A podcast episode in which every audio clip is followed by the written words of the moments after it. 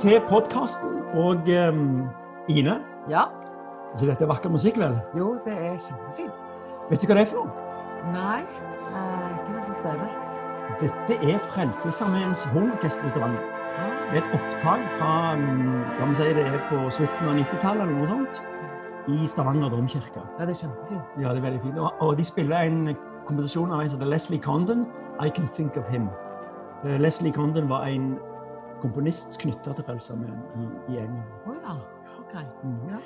Men nå kommer det viktigste spørsmålet. Hvem er det som dirigerer? Jeg vet ikke. Burde jeg visst det? Når jeg sier navnet, så tror jeg du vet det. Ja. For det er nemlig Brynjar Meling. Ah, da vet jeg hvem det er. Velkommen til oss, Brynjar. Takk skal du ha. Takk skal dere ha. Ja, eh, du, nå har vi jo hørt vakker musikk. Du eh, i dine yngre år dirigerte dette her. Du er jo en musiker. Spiller tuba.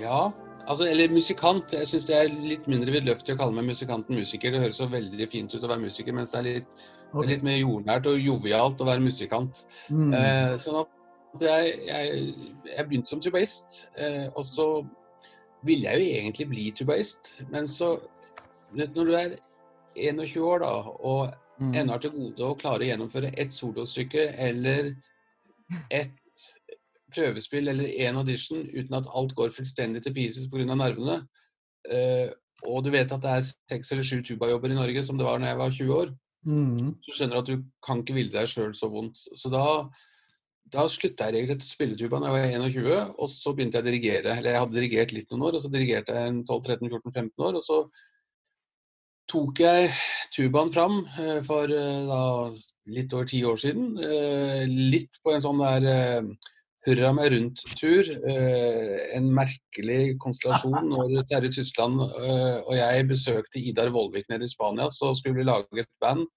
Eh, og det, det, vi har et band. Orkesterunderen, sant? Ja. Og det, det, Los Catastrofos heter bandet da, kalt etter den katastrofale debutkonserten. Ja. Eh, ja. Så etter det så har jeg spilt med eh, Terje Tyskland, og jeg har spilt med Reidar Larsen. eh, Og så har jeg òg de siste årene laget et advokatband som heter Kontrabande, eller Kontrabande. Eh, ja. så, så spiller jeg litt piano, og så er målet i løpet av sommeren å, lære meg litt mer på trekkspill. Så egentlig så er du, kan man konkludere med å si at du er ganske musikalsk? Ja, ja, jeg tror jeg er ganske musikalsk. Eh, men, men, eh, men jeg hadde nok ikke Altså, jeg er veldig opptatt enten det er idrett eller musikk eller hva du holder på med, så er den viktigste talentet er jo den der utholdenheten på å øve for å bli skikkelig god. Og det hadde jeg ikke. Sånn det jeg liksom blir litt eh, Jeg blir veldig fort litt flink på et instrument, men så blir jeg ikke veldig god på instrumentet. Mm. Men, jeg, men- men tuba er veldig greit, og så har jeg godt øre. sånn at jeg, jeg trenger ikke noter og sånne ting som eh, på mange, mange forbinder da, med at en, en korpsmusikant trenger, men jeg spiller brukbart på øret, Mm. som det heter. Ja, men du har jo kanskje noe annet òg som du er god på. For du er jo eh, har jo valgt eh, yrke advokat. Og Mm.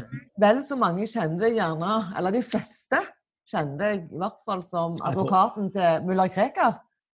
Ja. Ja, det, det, det, det er jo Det ble jo 17 år og 9 måneder eh, rundt regna Mm. som jeg bistod han i Norge. Eh, og jeg bistår han jo fortsatt. Eh, jeg er vel to ganger i uka i telefon med den- de italienske advokatene for å forberede en saken mot han i Italia.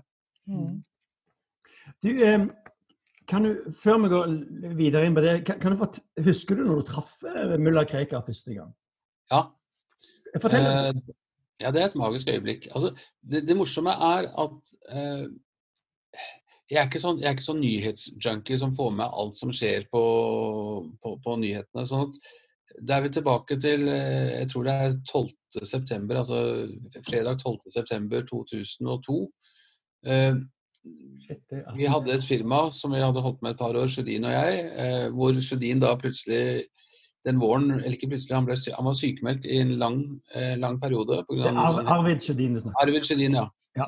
Eh, og så får eh, jeg jeg sitter og ser på TV en, eh, altså ser på Gullrekka en fredag kveld. Og så får jeg melding fra Arvid. Du, vi har fått henvendelse fra familien til mulla Krekar. Og så svarer jeg bare sånn Det var SMS-kje, ikke sant, med en sånn Nokia 6301-mobil. Mulla hvem, svarer jeg. Eh, og så må jeg da begynne å google, så skjønner jeg at det har jo vært en svær sak i Norge de siste 14 dagene etter at eh, det var et Brennpunkt-program som gikk 27.8 eller et eller annet sånt eh, det året. Mm. så ja, så er vi tre advokater på kontoret. De andre to er veldig gira. Eh, og, men Arvid orker ikke å dra. Altså, han sier jeg, jeg kan ikke dra til Nederland. Eh, han hadde kommet tilbake fra sykemelding mandagen før, og bunkene fra et halvt års sykemelding lå opp til taket med arbeid som han måtte ta tak i. Mm. Eh, så sier Tom Bø, som jo var den tredje av oss, at liksom, du, jeg vil dra. Eh, men jeg, jeg drar ikke uten deg, Brynjar. Og jeg tenkte OK, jeg klarerte med familien at ja, jeg får bli med ned, men liksom Tom skulle dra lasset. Og så blir Tom sjuk på søndagen, sånn at den som dukker opp alene i Nederland, det er meg. Um, og når jeg kommer Jeg, kan jo ta litt, av en ganske morsom historie. for Jeg, har ennå ikke da skjønt hvor svært dette her er, eh, til jeg kommer ned på flyplassen, i, altså ut utgang med Schiphol, eh, og det står ja, sikkert 30-40 eh, journalister med TV-kameraer og fotoapparater og full pakke og står og venter på en fyr. Eh, og jeg var jo ikke kjent for folk flest der da, sånn at jeg hadde vel jeg hadde vel eh, gitt beskjed, det var vel en, en, enten fra NRK eller en fra TV 2 som hadde spurt ja, hvordan ser du ut. Og så hadde jeg sagt nei, jeg er liten og flintskalla og kommer i en grå dress. Eh, og så oppdager han og jeg har en rød koffert. Eh, så kommer jeg da plutselig ser jeg at en av de kommer springende mot meg, og da skjønner jeg at det er meg de er der for å vente på. ikke sant? Mm. Og da kommer hele koblet bort. sånn at liksom det første intervjuet jeg gjør, så å si ever, utenom noen sånn få linjer i Rogalandsavis, det er intervju på engelsk til BBC. Eh, liksom sånn at Etter det så kunne det bare gå én vei. ikke sant? For jeg ja, ennå ikke turt å tenke på at jeg skulle høre på det engang. Så, så, var vi da, så var jeg i Nederland da. Så liksom, hva gjør jeg nå? Og så var det liksom prøve å møte han nederlandske advokaten, og, og, det klarte jeg i løpet av kvelden. Og så ble jeg med, fikk jeg lov å bli med til Fort-fengselet, som det heter hvis du skal si det på fint nederlandsk, i Utrecht. Um, og, og, vi kjørte ned dit, og da, da var det jo på en måte hadde jo pressen beleiret seg utafor det fengselet. Og det var uvisst om jeg fikk eh, komme inn. Eh, så jeg måtte kontakte ambassaden og mm, få de til å skrive at han har en, eh, jeg har et ærend der fordi at han har fått et utvisningsvedtak fra Norge, eller forhåndsvarsel om det. Eh, så etter mye om og men, og jeg husker ikke om det ble mandag og tirsdag, eller så fikk jeg lov å, å bli med inn og møte han. Mm. Da sto vi på hver vår side av en glassvegg, og da husker jeg at han eh, tok hendene og la det inntil glassveggen, og vi på en måte hilste med håndflatene mot hverandre i glassveggen. Og da, da, fortalte han på en måte historien sin om hva som på en måte hadde skjedd. Eh, og han forutså allerede da, ikke, ikke, fordi han var synsk, eller noe sånt, men fordi han på en måte så det politiske spillet, så forutså han mye av det som kunne skje. Eh, og som faktisk skjedde de neste månedene og, og årene. Mm. Eh, så besøkte han et par ganger i Nederland, og så kom han jo til Norge da fra midten av januar 2003. Og altså, Hvis jeg skal lage en sånn 24-timers eh, podkast, så kan jeg godt fortsette. Men, Nei, men, men, men altså, han, han, må jo uh, være den eneste personen som et politisk parti i Norge har programfesta skal ut av Norge. Altså, det som er, er at han er nok òg den eneste personen som det er i hvert fall fire eller fem lovforslag som er kommet bare for å løse problemet med mulla Krekar. Ja, nettopp. Det var, det, det var, det jeg tenkte på. Eh, men dette har jo eh, gjort deg til en veldig kjent advokat. Ja. Og jeg, eh, jeg skjønner på det som jeg har spurt opp, at du har jo fått veldig mye eh, problem... Eller eh, du har fått veldig mye skittkasting mot deg pga. dette her. Hvordan har det vært å, å, stå i det med Du har jo barn og, og, og familie og Nei, altså På mange måter så har det det prella ganske godt av. Um, jeg har liksom ikke tillatt meg å, å, kjenne etter, for å bruke det uttrykket. Men, men, nå når på en måte eh, Når han ble sendt ut nå i, i, i vår, da, så eh, tillot jeg meg liksom dagene eller døgnet etterpå å kjenne litt etter hva dette faktisk hadde kosta. Mm. og, og det er jo klart at når når ungene ringer og sier at det står på TV at pappa, øh, pappa må dø, så gjør det jo inntrykk. Eh, når, når, du liksom eh, må ta barna vekk fordi at du blir skjelt ut på gata og du må liksom skjerme ungene for eh, liksom edder og galle som folk skjeller ut, så, så, ja, så, så du gjøre noe med deg. Men jeg kjenner jo Ja, det er, det er, jo på mange måter det. Og, men jeg kjenner jo liksom at det som har vært vanskelig, har jo vært det som har rammet andre. Altså, mm. Det som rammer meg, det jeg er ikke noe veldig tøff. Altså, jeg er konfliktsky og, og, og, egentlig ganske liten og veik eh, sjel. Men, men, men, eh, men, det preller av når det går på meg. Men når det rammer de rundt meg, så, det, så kjenner jeg at det, det, koster. Jeg så at um, det var en historie hvor det var en person som ville donere penger til Frelsesarmeen. Og når han da oppdaga at du var med i Frelsesarmeen, så ville han ikke gi de pengene allikevel. Ja. Og du da endte opp med å melde deg ut, var det sånn? Yes. Eh, det er eh, Det var, det var todelt, eller tre, tredelt begrunnelse. Men det, det er helt klar, riktig som du sier at det var, det var på en måte det siste dyttet utenfor kanten. Mm.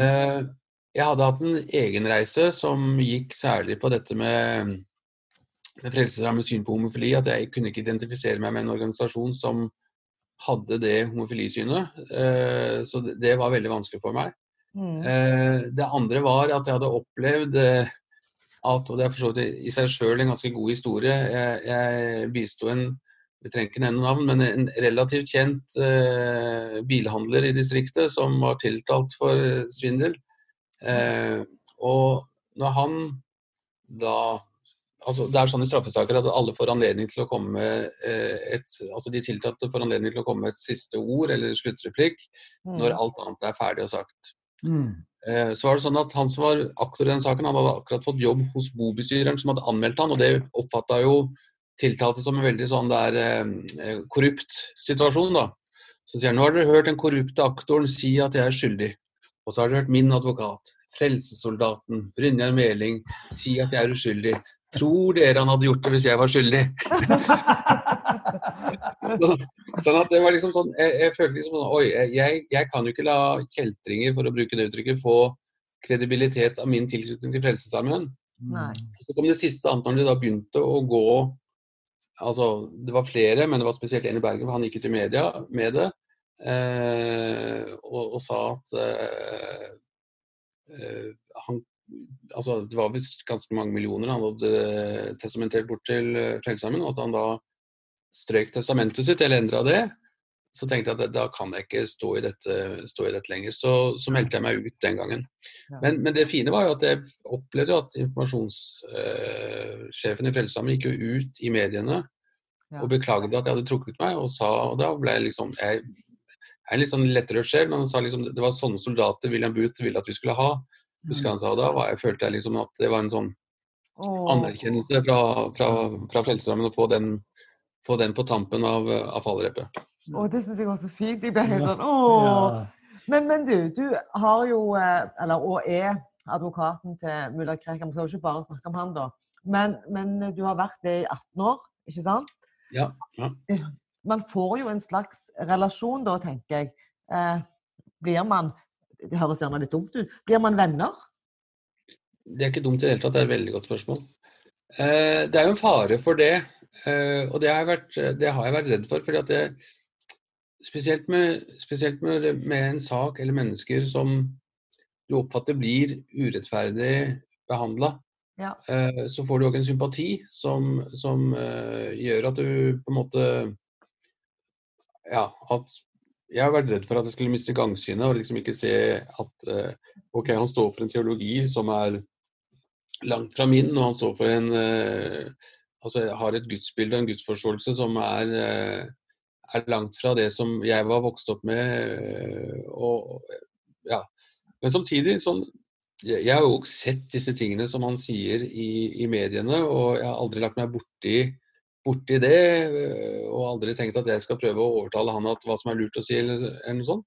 Men så er det sånn at Og det er jo liksom jeg blir kritisert for at jeg har sagt at eh, jeg har vært mye hjemme hos han. Men det var, det var jo altså, Det høres jo liksom Å, da har du fått altfor nært forhold til klienten din. Mm. Eh, og, og, og det er jo faktisk ja, Folk som driver kurs for advokater, har brukt meg som et skrekkeksempel på det. Men det, var det hadde ikke noe med det å gjøre, det var jo, det var jo ren sikkerhet. Altså, det var jo en fyr som var under en konstant trussel. eh, og jeg, jeg kunne ikke risikere at han skulle si, bli knerta på gata på vei til å komme eh, på kontoret mitt. Så det var mye mer naturlig å ha møtene hjemme hos han.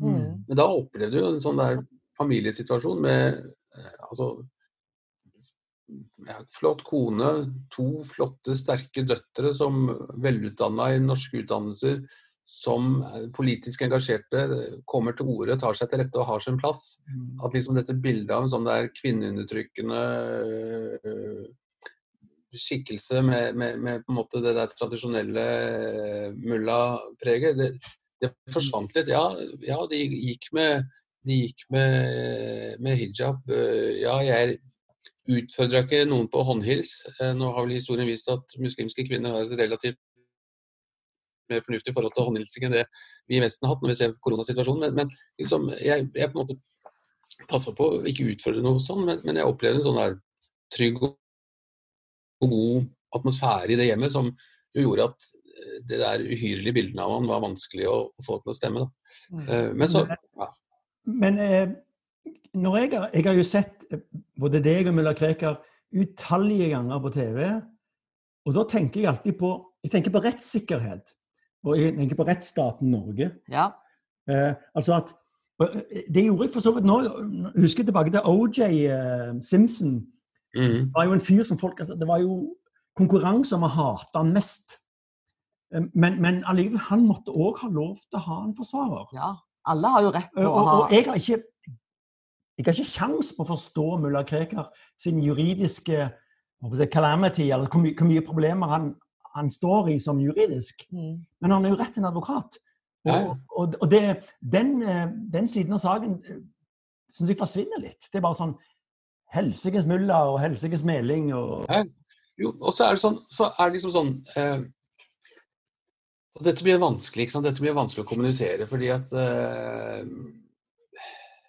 Folk vil jo ikke eh, Folk vil jo ikke forstå. Ikke sant? Hva, den sangen er Starry Starry Crown. They wouldn't listen then, they won't listen now, they, nei, they won't listen still, maybe they never will, eller noe sånt, når han synger. ja. Det er sånn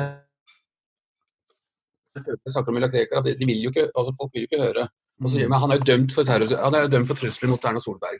Mm. Det er ok, greit, men, ja, men han gjort? Han er dømt for, jeg vet hva han er dømt for, selvsagt. Jeg var advokaten der, for pokker jeg var i retten i, i ukevis eh, i de sakene der. Mm. Men sant, når han da er dømt for å true Erna Solberg, Mm. da er det en historie som er sånn Han går inn på et pressemøte i 2010. Eh, det er et lukket pressemøte. For akkurat da så er han på, i konflikt med norske journalister. Men han blir invitert til den internasjonale presseklubben i Oslo. Altså Det er ikke en pressekonferanse hvor han skal ut med et budskap, men han ville møte journalister. Og så er det en dame fra Reuters som sitter på bakerste benk, og så sier hun ja, øh, altså på opptaket da på norsk, hva vil skje hvis du blir sendt ut av landet, sier hun liksom sånn. Så sier han da på arabisk at øh, hvis jeg blir sendt til frihet, så vil det ikke skje noe, men hvis jeg blir sendt til galgen, tror jeg det er det det oversettes med det, hvis du skal ta ordrett, eller til skafottet, eller altså til døden, da. Ja. Så må den som er ansvarlig, f.eks. Erna Solberg, måtte betale med sin ånd. Akkurat. Ikke sant? Og så Det er religiøst eh, eh, sant? begrunnet. Altså, det er det. Altså, og, ja, det kan bety liv, det kan bety Men altså, ifølge han så er det liksom Nei, det var i det, altså, i det hinsidige. Men det blir tolka i verste mening fordi at han da står på FNs terrorliste. Ja, og hvorfor står han på FNs terrorliste? Jo, fordi at amerikanerne satte den der i 2006. Eh, og, og, og, fordi at han ble sett på som en fare for rikets sikkerhet i 2003. Men der er det jo ingen som vet hvorfor han blir sett på som en fare for rikets sikkerhet, for de dokumentene fikk vi aldri se. Så det kommer en sånn der sirkelargumentasjon. Og så kan man sikkert altså Dere har sikkert vært med i samfunnsdebatter og, og nettdebatter. Så kan man se det mulla Krekar sa. på det lukka pressemøtet, som ikke var ment for offentligheten, men som noen da gikk ut og lekte. Og se hva andre lirer av seg, kanskje om dere, kanskje om meg, hver Mm. eneste dag uten at en politimann eller en statsadvokat eller en domstol ler et øyebryn. Mm. Ikke sant? Mm. Men fordi at det var han, fordi at de på en måte hadde klistra merkelappen på han, så blei det at han ble dømt for trusler. Mm. Ikke sant? Og, og han, var til og med dømt, han var til og med tiltalt for terror. Altså det, være, det å si det skulle være en terrortrussel, heldigvis så, okay. så ble han frifunnet for det. Ja. Eh, men, men ja. Sånn at det er, og, og det er jo det eneste jeg har klart å dømme han for i realiteten. Altså, det var tre andre som ble dømt for det samme, og det var, det var to koranbrennere som hadde liksom brent Satt fyr på Koranen, tatt film av det, sendt det på e-post til mulla Krekar og ringt ja, hva tenker du om at vi brenner Koranen? Og så sier jo han hva, hva islam sier om det. Mm. Og så ringer de melder politiet, melder han til politiet for å komme med de truslene. Ikke sant? Altså, så det, det er liksom sånn Provokasjon. eh, Ja, det er, det er en eh, ja, en rein provokasjon. Mm. Så det, men, men dette er sånn det, det kommer jo sikkert en Krekar-bok fra meg en eller annen gang. Eh, nå må jeg jo begynne å tenke litt mer på det nå når det er sendt ut av landet. Ja. Så, Men, ja, men i tillegg til, til altså mulla Krekar-saken, så har du jo òg eh, hatt andre saker. Noen mer og, og mindre kjente. Eh, og jeg tenker jo alltid sånn, når man er advokat, Brynjar, eh, så står man jo egentlig fritt til å velge man, sant, hva saker man har lyst å ta imot. Det er sånn, er det ikke det? jo, jo, på mange måter så er det jo sånn. Ja. Og da tenker jeg jo opp mot dette med rettssikkerhet, samtidig som jeg mener det at ja, alle har, har rett på det. Men, men jeg tenker noe av det mest utfordrende kanskje jeg ville tenkt da, hvis jeg hadde vært advokat, det var jo kanskje å skulle forsvare noen som du Der det er bevist gjerne at de har gjort eh, Mm. veldig dårlige handlinger. Er du med på Mm. hvordan det jeg tenker? ja. Ja. Eh, men, men det er vel eh, Altså, er ikke altså, Den jobben du har som advokat, det er jo å forsvare din klient ut ifra de juridiske rettighetene den har, ikke sant? og ikke på en måte eh, Hvis jeg kan få lov å spørre, på, på bakgrunn av det du sier nå Ja. det at hvis, altså en, en, en slags Et mål for en advokat må jo å få frikjent klienten sin. Stemmer det, Brynjar? Nei, egentlig ikke. Stemmer ikke det? Egentlig ikke. Nei, altså nei. Det, at det, det jeg tenker på at La meg ta tilbake til OJ, da. Så var det vel liten tvil om at han var skyldig, men advokaten gjorde jo en fordømt god jobb med å få ham frikjent. Ja. Jeg, jeg hadde en sånn, sånn aha-opplevelse for, for, mange, for mange år siden. Det var, eh, det var eh, et portrettintervju med en advokat på TV. og så Det var den tida telefaksen eh, fremdeles eh, var sentral i arbeidshverdagen. Mm. Eh, og så, så fikk han en dom da han hadde vært i retten med en voldtektssak, og så ble det frifinnelse, og så sto han og jubla foran den eh, faksmaskinen. Så tenkte jeg pokker heller. altså det er ikke, Jeg vil ikke juble over at en, en som har opplevd seg voldtatt, ikke altså, ikke opplever seg trodd. ikke sant, altså sånn at jeg, har jeg har ikke noe mål om at, jeg har ikke noe mål om at eh, klienten skal bli frifunnet for enhver pris. Ina, Ina Dogs Podcast. Oh. Ina Dog Podcast. Today, here, now. Wow. Jeg tenker på den saken med løgnerslaget. Ja. Og det, denne, denne såkalt nazifrisøren. Mm. Det var jo en spesiell sak. Da, da husker jeg at jeg eh, eh, ble veldig sånn opptatt av dette med ytringsfrihet. Det at løgnerslaget hadde rett til å, å, å si eh, det de sa på scenen. Og du var jo eh, sin advokat. ja. Husker du noe eh, Er det noen eh, jeg håper jeg, Ja, altså det, det, som altså det som er interessant med den saken, det mest interessante er jo at det er det altså Når man snakker om sånn ytringsfrihet og eh, personvernsaker, mm, så har man, vi som jobber med det, har lest om noen som da kalles, altså delvis i jussens verden og, og kanskje mest i medieverden, for Strayson-effekten. Eh, Barbara Strayson, eh, jeg vet ikke om det var i Malibu, eller hun eier i hvert fall et hus helt i strandkanten. Mm. Og så er det en amerikansk fotograf som er ganske kjent. Eh, men altså, som, altså ganske kjent fordi han er flink til å ta bilder. Ikke noe sånn kjendiskjent, men han tar gode bilder. Og så skulle han lage en fotodokumentasjon av, eh, eiend, altså av eiendommer som ligger langs den linja. Han skulle lage en fotobok eller et prosjekt. Og Så blir dette publisert bare i en sånn lite nettsted, uten at noen vet om det. Og så prøver Barbara Strayson å stanse dette. Og Hun vinner sikkert fram til slutt, men det medførte at hele verden fikk jo se bildene av eiendommen hennes. Mm. Og den stakkars nazifrisøren fra Bryne, hun eh, opplever jo at hvis hun hadde sittet stille i båten, så var det ikke en kjeft som hadde hørt om henne. Det var ikke utover de 40 000-50 000 som hadde vært og sett de forestillingene med Løgnaslaget. Og med all respekt for Løgnaslaget, som jeg syns er fryktelig løgne, Ja. hvis dere tenker tilbake på revyer dere har vært på, hvor mange sånne sketsjer husker man? Det var ingen som ville ha huska altså, Og, og den, som, som Per Inge sa det sjøl, han var ikke spesielt løgn engang, den sketsjen. Eh, han eh, Altså, ingen ville ha huska det. Og istedenfor så ender det med at liksom hun blir blottlagt for hele landet og må ut med uforskamma mye penger til advokater for å, å dekke det som hun aldri burde ha gjort.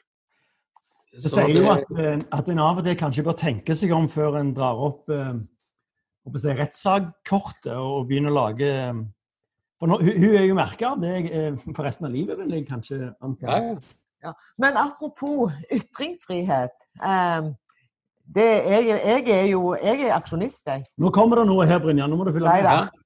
Nei, men, men du har jo sikkert fått med deg eh, debatten eh, og eh, aksjonene i Oslo, Bergen og Stavanger i forhold til dette her eh, Black Lives Matter. Mm. Og der har jo jeg vært ganske sånn aktiv og ment noe. For det, jeg har ment at eh, det er ikke greit. Jeg er veldig sånn tilhenger av ytringsfrihet, og at vi skal få lov å si det vi mener. Men samtidig så er jeg veldig tro mot disse smittevernrådene nå. Som jeg, så jeg Mm. tenker at det var uklokt, og det var ikke greit. Eh, si at du er enig med meg.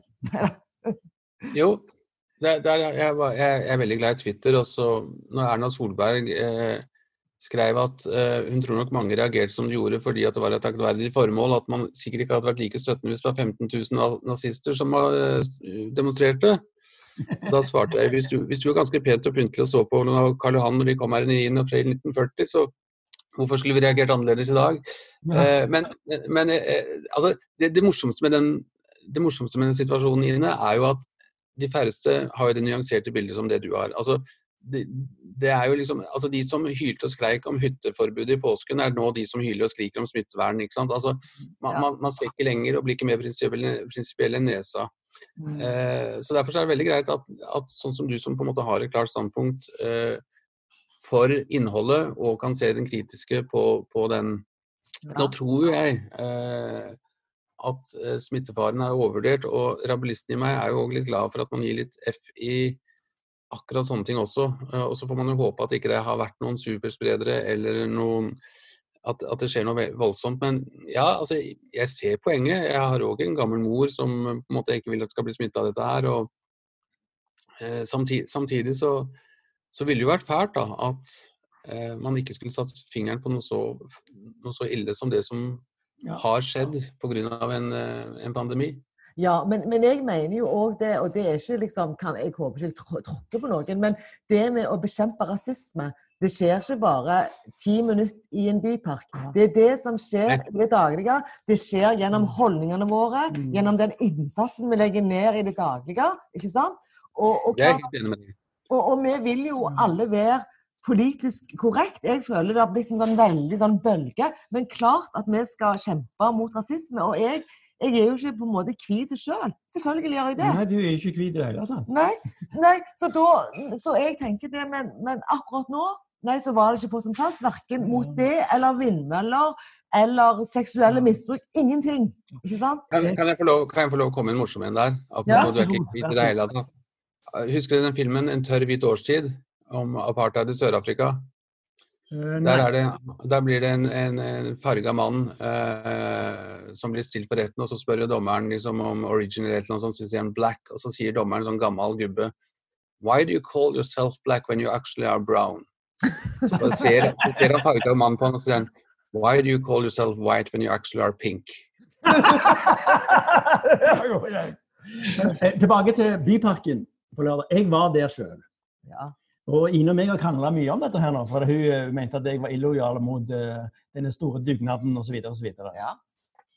Men eh, greit nok, noen blir kanskje smitta, det er liten sannsynlighet. Men, men det som Harald Birkevold tok opp som en kommentar, det, han sa det var rart hvor, folk, hvor, hvor, hvor fort folk på høyresiden ble opptatt av smittevern. Det måtte Mm. liksom en antirasistisk demonstrasjon til. Da ble smittevern liksom, Og jeg hadde jo um, en krangel med en herværende varaordfører i en herværende kommune om akkurat dette her. Mm. Eh, og, og, det, og det, jeg er overbevist om at mange på, i, i hans parti ikke hadde løfta et øyenbryn om det var en nei til bompenger-demonstrasjon. Nei, nettopp. Og som jeg skrev, jeg skrev også det på Twitter, at det, det er- det er rart at det samme partiet som feira med kaka til sendte en 64 år gammel mann med høyt blodtrykk og diabetes til et koronafengsel i Mm. Italia, de er nå veldig bekymra og har omsorg for de som er utsatt for smittefare. Ja. Uh, og det, det blir jo litt sånn. Uh, altså, jeg, jeg møter meg sjøl virkelig i døra, for jeg, jeg er jo ikke noe, jeg hater jo demonstrasjoner og sånn i utgangspunktet. Jeg syns det er noe litt sånn som Ine var inne på i sted, det er, det er ikke det som hjelper. Det er, jo, det er jo ting man gjør for å døyve sin egen dårlige samvittighet. ikke sant? Det blir litt sånn som at jeg, moren min sa 'spis opp maten din' fordi at barna i Afrika sulter, og det endte med at jeg ble feit og de er fortsatt sultne i Afrika. ikke sant? Sånn at, det- er liksom eh, Ja. altså Hvor feit, eh, Brynja, nå brakte du inn Det var en sånn Segway over til det du sier feit. Eh, mange tror jo at du har, gjort, at du har blitt rik og feit på mulla Krekar. Ja. Og det, det, det stemmer jo ikke. Nei, altså jeg har, jeg har tjent på han på linje med de andre sakene jeg har jobba med. Ja. Men jeg har jo, eh, for det første så har jeg jo ikke fått det jeg skulle ha betalt etter at jeg eh, Altså i forhold til det jeg har jobba i de sakene med oppnevning, fordi at de har ikke, i hvert fall tidlig i fasen, de ikke ville ha betalt til meg. Mm. Og I tillegg så har det jo vært sikkert en rundt 3000 timer opp gjennom årene som eh, Det kan være 4000, det kan være 2500, jeg vet ikke, men, men som jeg ikke har fått betalt for. Og, og så er det jo på en måte Som sagt, jeg har hatt møte hjemme hos han, så, så det er jo liksom sånn du dekker flybilletten sjøl når du skal inn og møte ham, for han har jo ikke noe penger. ikke sant? Nei, nei. Eh, så, så, så, så er jo ikke det ting man har hatt lyst til å flagge heller. For liksom, jeg, jeg vil jo ikke at jeg vil jo ikke at folk skal liksom, å, se på meg så snill jeg er som gjør alt dette, for det er ikke det. Altså, det er jo blitt en sånn det er jo blitt en sånn greie som jeg kom inn i som jeg ikke liksom Jeg, jeg kunne ikke liksom bare plutselig troppa det, ikke sant. Men jeg, og, og jeg klager ikke på det. Jeg, jeg er ikke blitt flink til å spille golf eller å seile sånn som andre advokater gjør, men, men eh, jeg har hatt det Altså, jeg har òg hatt det gøy. altså dette kjendiseriet mitt, hadde jeg ikke vært for det, så hadde jeg jo ikke fått spille tuba med musikanter som Nei. Tysland og, og, og Larsen. Altså det, jeg, jeg, jeg er jo så nøktern, og jeg hadde ikke blitt invitert til å få lov å være med på Nytt på Nytt og sånne gøyale ting Nei, hvis ikke var for det. Så det er, liksom, det er ikke sånn Men, men har, du, har du liksom en sånn favorittsjanger innenfor yrker? Altså sånn straff, barnevern, altså Jeg vet ikke det er, Ja, altså det, det, er, det er straff. Altså, Ja. Det er straff og for så vidt, for så vidt ytringsfrihet. Men, men da jeg er ikke ja, jeg får en del sånne henvendelser fra personvernjuss og folk som eh, eh, Ja, altså jeg har, jeg har veldig lite tro på liksom sånn Ja, OK, du kan eh, du, du, du, liksom, ja, Da skal man gå til retten, og så får man en dom, og så blir alt bra. Ikke sant? Det, det blir liksom sånn eh, Jeg jobber lite med barnefordeling og barne, altså fordeling av unger. fordi at altså, si, si at du har en tolvåring som ikke vil til mor eller far. ja. Og så skal du gå med en dom, og så skal du slå han i hodet og si at ja, nei, du, riktignok har ikke lyst, men nå har dommeren sagt det, så nå, nå får altså, Så jeg har ikke mista troen på rettsvesenet og sånn, men, men jeg er veldig glad for den situasjonen du har som forsvarer. Det blir litt sånn eh, Det blir litt, litt takknemlig rolle at det er de andre som har bevisbyrden, det er de andre som skal kjøre saken, og så skal du Mm. finne svakhetene med det. Sånn at når, når, når folk kommer med liksom ja, du er en kjent advokat, jeg har en sak sånn og sånn av sivilrettslig karakter, Ja. Så sier jeg at ja, men jeg er ikke flink til å bygge hus, jeg er flink til å rive hus. Ja. For det er jo det vi gjør. ikke sant? Det er, det er påtalemyndigheten som skal bygge huset, og så skal jeg prøve å se om grunnmuren holder, og påpeke på en måte svakhetene i de konstruksjonene som de lager. Ja. Du, apropos barnefordeling, jeg trenger ikke nevne navn, men det er en annen eh, eh, advokat i byen, og han bare nekter å ta barnefordelingssaker. For han sier det at når folk har valgt å få unger, og hvis de søren ikke klarer liksom, å bli enige, så jeg orker ikke han å sitte og holde på med det. Men du, Jeg vet hvem du snakker om, for å si det sånn. ja.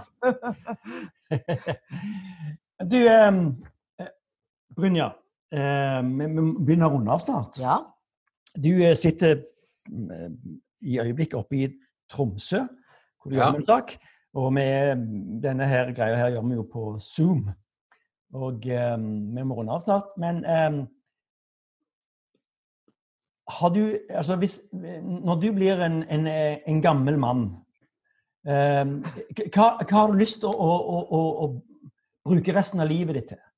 Er det tuba, musikk, eller skal du liksom få en vingård i, i Frankrike, eller Nei, Epler på Riska, mer enn vingård på- i Frankrike, tror jeg. Men, men, men eh, Ja, ja.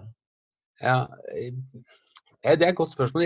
Helt, helt ærlig så Jeg tror jeg er ganske ødelagt. Jeg tror, ikke, jeg tror jeg kommer til å dø med skoa på, for å si det sånn. Altså, jeg hadde, jeg, bestefaren min han, han hadde triks. Han, øh, når han var 70 og de skulle pensjonere han, onkel Jens i Frelsesarmeen, Mm. så hadde han jeg tror, jeg tror det hadde vært altså Han var, hadde ansvaret for den hydrauliske pressa på Fretex. Eh, og jeg tror hvis det var en manual der, så hadde han brent opp den. Sånn at de kunne ikke pensjonere han. Eh, sånn at de prøvde først når han var 75, og så prøvde de hvert år fram til han var et par 83. Og når de var 85, da var det siste gangen, da, da måtte de liksom bære han ut derfra. Eh, for han lærte jo ikke bort hemmelighetene, så var det ingen andre som kunne med den pressa. Sånn. De, de måtte liksom bare gi han etter et år. år. Nå er jeg så heldig at jeg, jeg er jo min egen bedrift. Jeg, jeg kan ikke se for meg at eh, liksom sånn Jeg har sagt foreløpig 75, eh, men jeg tror ikke jeg kommer til å gi meg da heller. Ja, men det, og da er du omtrent like gammel som presidentkandidatene er for tiden. Ja, det var det. Og, det, og om fem, eller 22 år så blir jo det Da er man jo enda yngre, så da tenkte jeg kanskje jeg skal starte i politikken. Men, men, men, det som jeg, men det som jeg har Dette tenkte jeg på i dag. I dag, dag. Eh, vi snakker jo med mange forskjellige i, i vår podkast, Brynjar, av u, altså ulike yrker. Og eh, jo mer en på en måte hører om de ulike yrkene og hva de forteller, så får jo mye mer kjennskap og mye mer respekt for hver enkelt faggruppe. Eh, og litt av det du så jeg tenker du har opplevd i forhold til mulla Krekar, hets og sånne ting. Eh, du sier noe selv om egen sårbarhet, og da tenker jeg liksom, det syns jeg er så fint. Det der at vi på en måte eh, tør å, å bare vise at vi er, er mennesker. For, Mm. for de som tror at de kjenner Brynjar Meling, bare fordi han advokaten til, til mulla Krekar Hvis de hører på denne podkasten i dag, så vil jo de tenke ah, å ja, er det sånn Brynjar Meling er? Jeg, jeg syns det er så fint når vi kan liksom bare by litt på oss sjøl, jeg, Brynjar. Og det syns jeg det er så fint å ha denne samtalen med deg om. Det føler iallfall jeg. Mm. Jeg, jeg er glad for én ting, og det er at ennå blir folk positivt overraska når de møter meg. Ja, men det, vet du hva? Uansett eh, om man er advokat eller hva man er, eh, vi trenger jo alle å få ros og bli anerkjent. Vi elsker å få ros, men vi skal være flinke og heie på hverandre, for det er sånn vi har det godt. Jeg- har lyst nå, siden nå passer det jo enda bedre å ta um, litt mer av slutten av I can think of him. Ja, Jeg kan tenke på ham. ja. Og da kan vi tenke litt på Brynjar Meling og, og Alt han har stått i med mulla. Ja. Så da glir vi ut av um, ørene til folk, og de jobber rundt motstanderne eller hva de holder på med mens de hører på dette. Med Frelsesarmeens hårorkester.